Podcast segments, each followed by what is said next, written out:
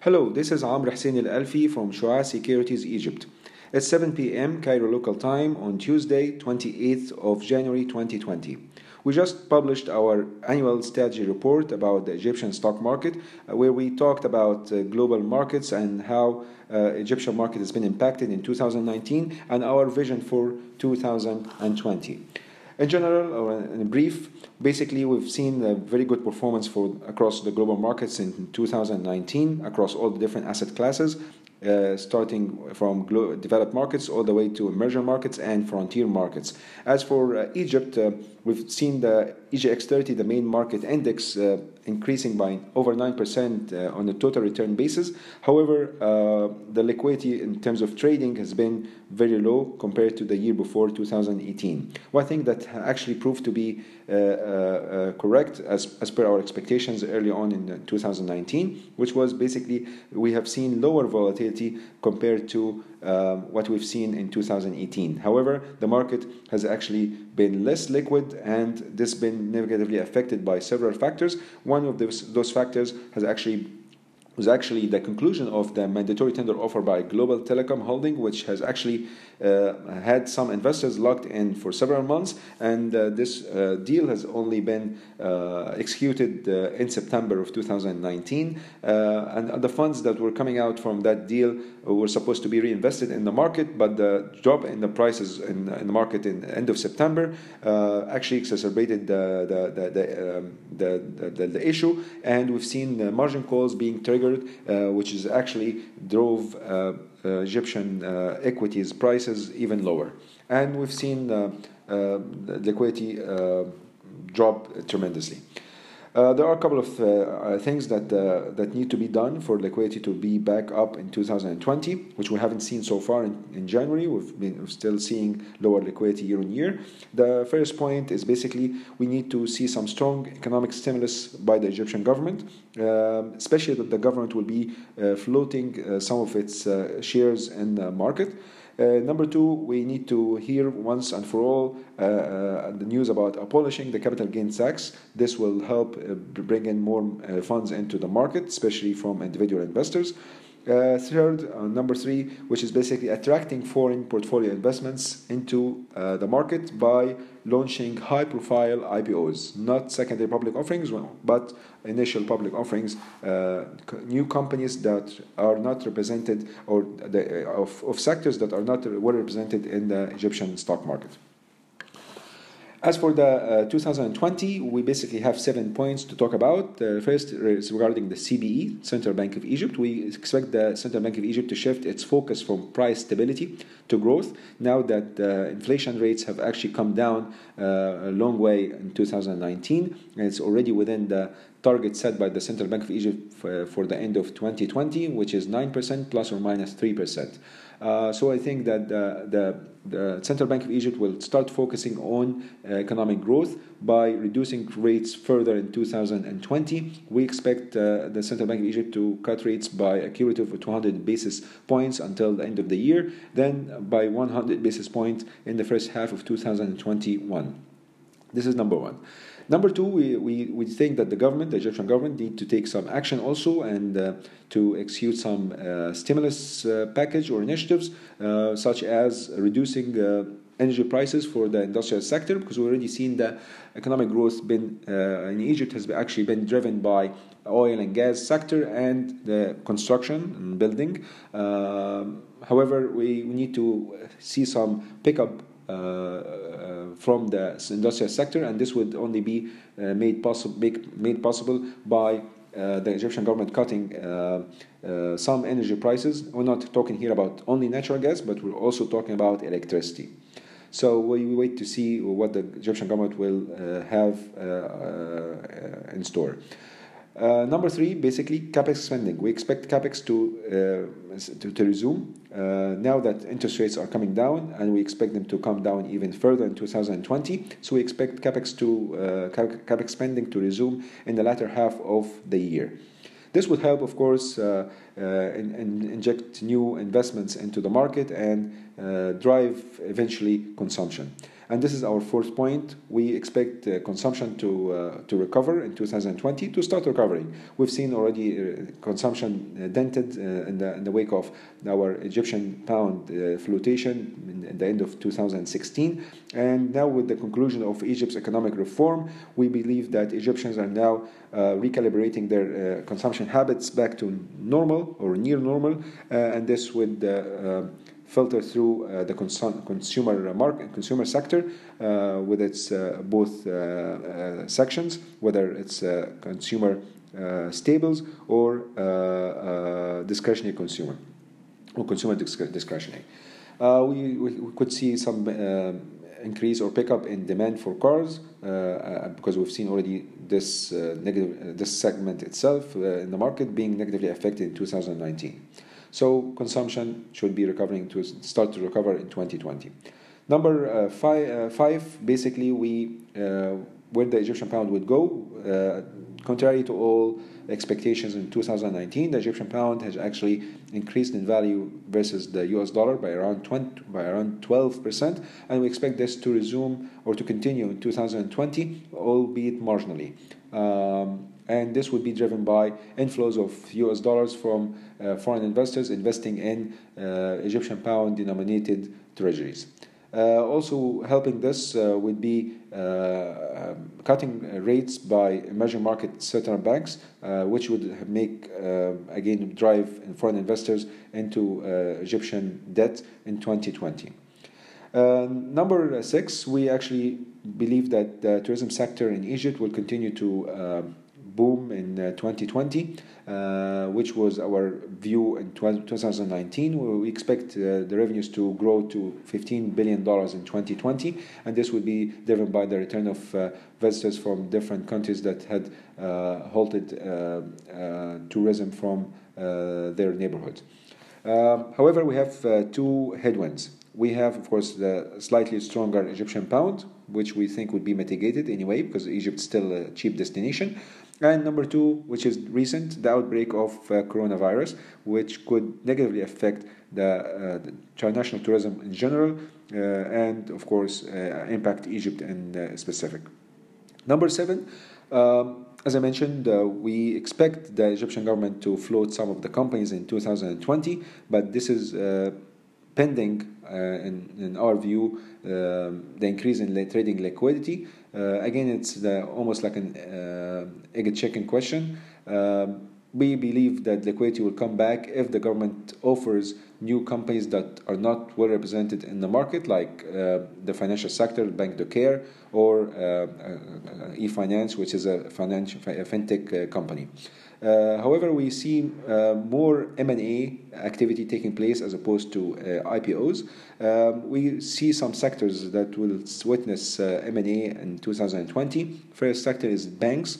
We believe that banks would look to combine with one another uh, to meet the minimum requirements of the Central Bank of Egypt, the minimum capital requirement set recently by the new uh, bank law.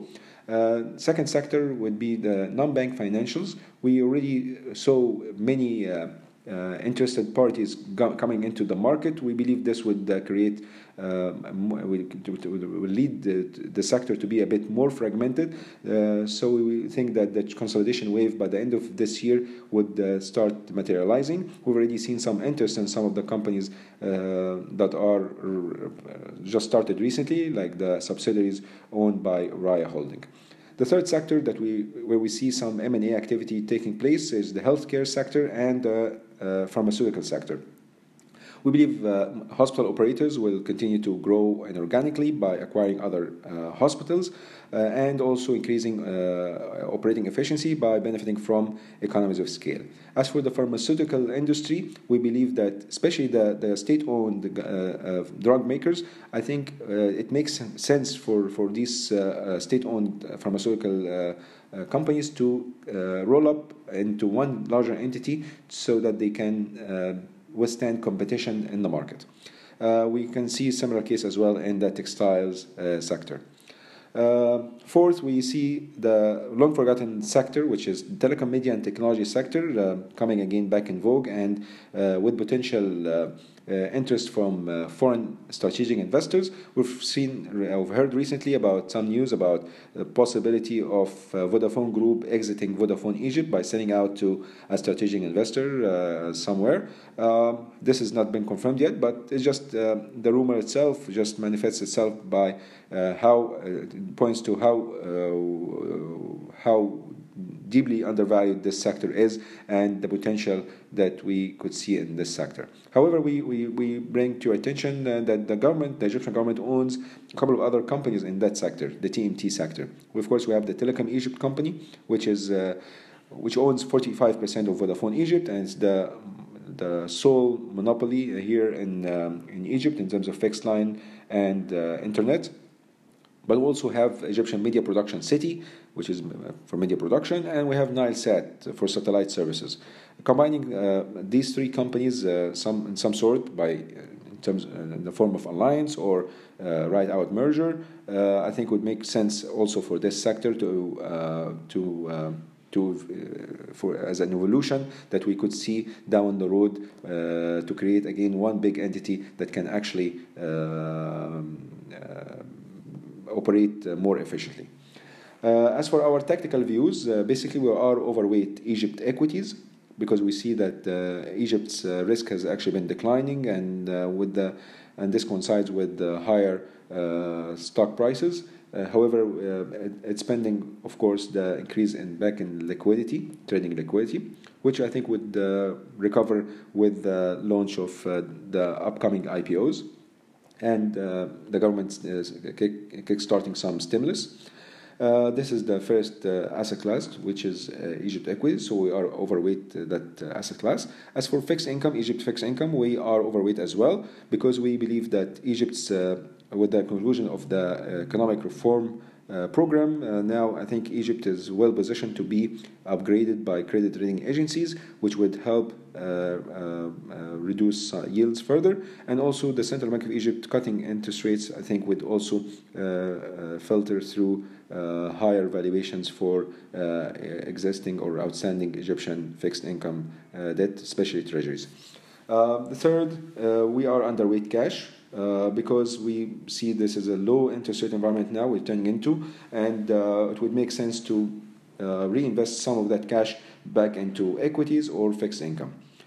Uh, in terms of equity, we can also invest in high yield stocks. We believe uh, we are overweight also on high yield stocks in Egypt. Um, because they basically they behave similarly to fixed income instruments when interest rates uh, uh, go down and this is what we expect in 2020 so i think this would again be of interest uh, for uh, investors in general. In terms of uh, our forecast for the Egyptian pound, we uh, forecast we're forecasting the dollar to go down to about 15.7 by June 2020 and 15.5 by June 21. As I mentioned, uh, we expect the Central Bank of Egypt to cut interest rates by 200 basis points in 2020 and 100 basis points in the first half of 2021. As in terms of the sectors, we are uh, positive on uh, several sectors. We are positive on consumer discretionary, consumer staples, and financials in general, including banks and non banks. As for the healthcare, we are positive on hospitals and drug makers. As for uh, uh, the telecom, media, and technology, we are positive on that sector as well. In terms of the uh, sectors we are, we are, where we are neutral, we are neutral on energy and utilities. We are also neutral on industrials in general, including cables, ceramics, contracting, and logistics. And we are neutral on petrochemicals within the materials and fertilizers as well. As for the sectors that we are negative on, we are negative on uh, the cement sector. We're basically, mm, this is part of the materials, uh, of course, sector. We are negative on cement. We've been negative throughout 2019. And we are also negative on the metals sector within materials, and we are negative on real estate. As for the long and short ideas that we have for 2020, for the long uh, ideas, we have 20 stocks uh, going ahead or going through with the 2020 uh, theme. Uh, consumer discretionary, we have GB Auto, CIRA, M, M, MM Group, or Oriental Weavers, and for consumer staples, we have Eastern Company, Edita, Obour Land. For energy and utilities, we have Egypt Kuwait Holding. For financials, we have Crédit Agricole Bank, uh, Export Development Bank, EFG Hermes. And for healthcare, we have Alexandria Pharmaceuticals, Cleopatra Hospitals, Ibn Pharma, and EIPICO. For industrials, we have Orascom Construction, Sewedy Electric. For real estate, we have Orascom Development, Egypt, Tele- uh, TMG Holding, and last but not least, uh, Telecom Egypt. As for the stocks that we uh, would rather stay away from, we have around five stocks. We have Kabo, El Nasr Clothing, we have Spin Alex, we have Egyptian Iron and Steel, even though we know that the value of the company is uh, within its land bank, but the, operationally the company is not doing well. And we are negative also on South Valley Cement. Uh, we are negative on the whole sector in general, uh, and this company is specific. And we are negative on uh, Egyptian Resorts Company because of the lack of uh, earnings visibility in terms of recurring revenues. Uh, the whole report includes more analysis and some new uh, idea that we've introduced, which is uh, S score. S score S for uh, SHUAA. We basically looked at the, our research universe, which is EGX 100 plus eight stocks. So we have 108 stocks that we look at, and these stocks that we look at, we give them some score, an overall score and a sector-specific score and we've used some uh, uh, uh, KPIs to come up with that score. When, uh, as part of valuation, we looked at the P/E ratio, price to book, price to sales.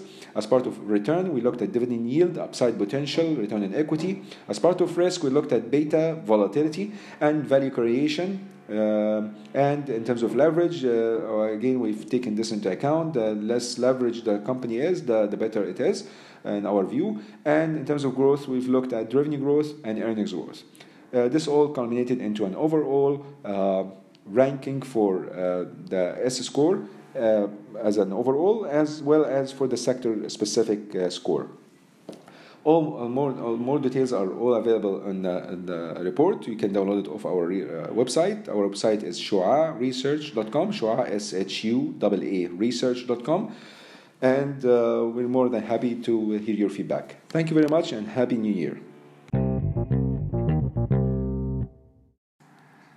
This recording is not and should not be construed as an offer or the solicitation of an offer to purchase or subscribe or sell any investment or subscribe to any investment management or advisory service. The detailed disclaimer is available in the report as well as on our website, shuaaresearch.com.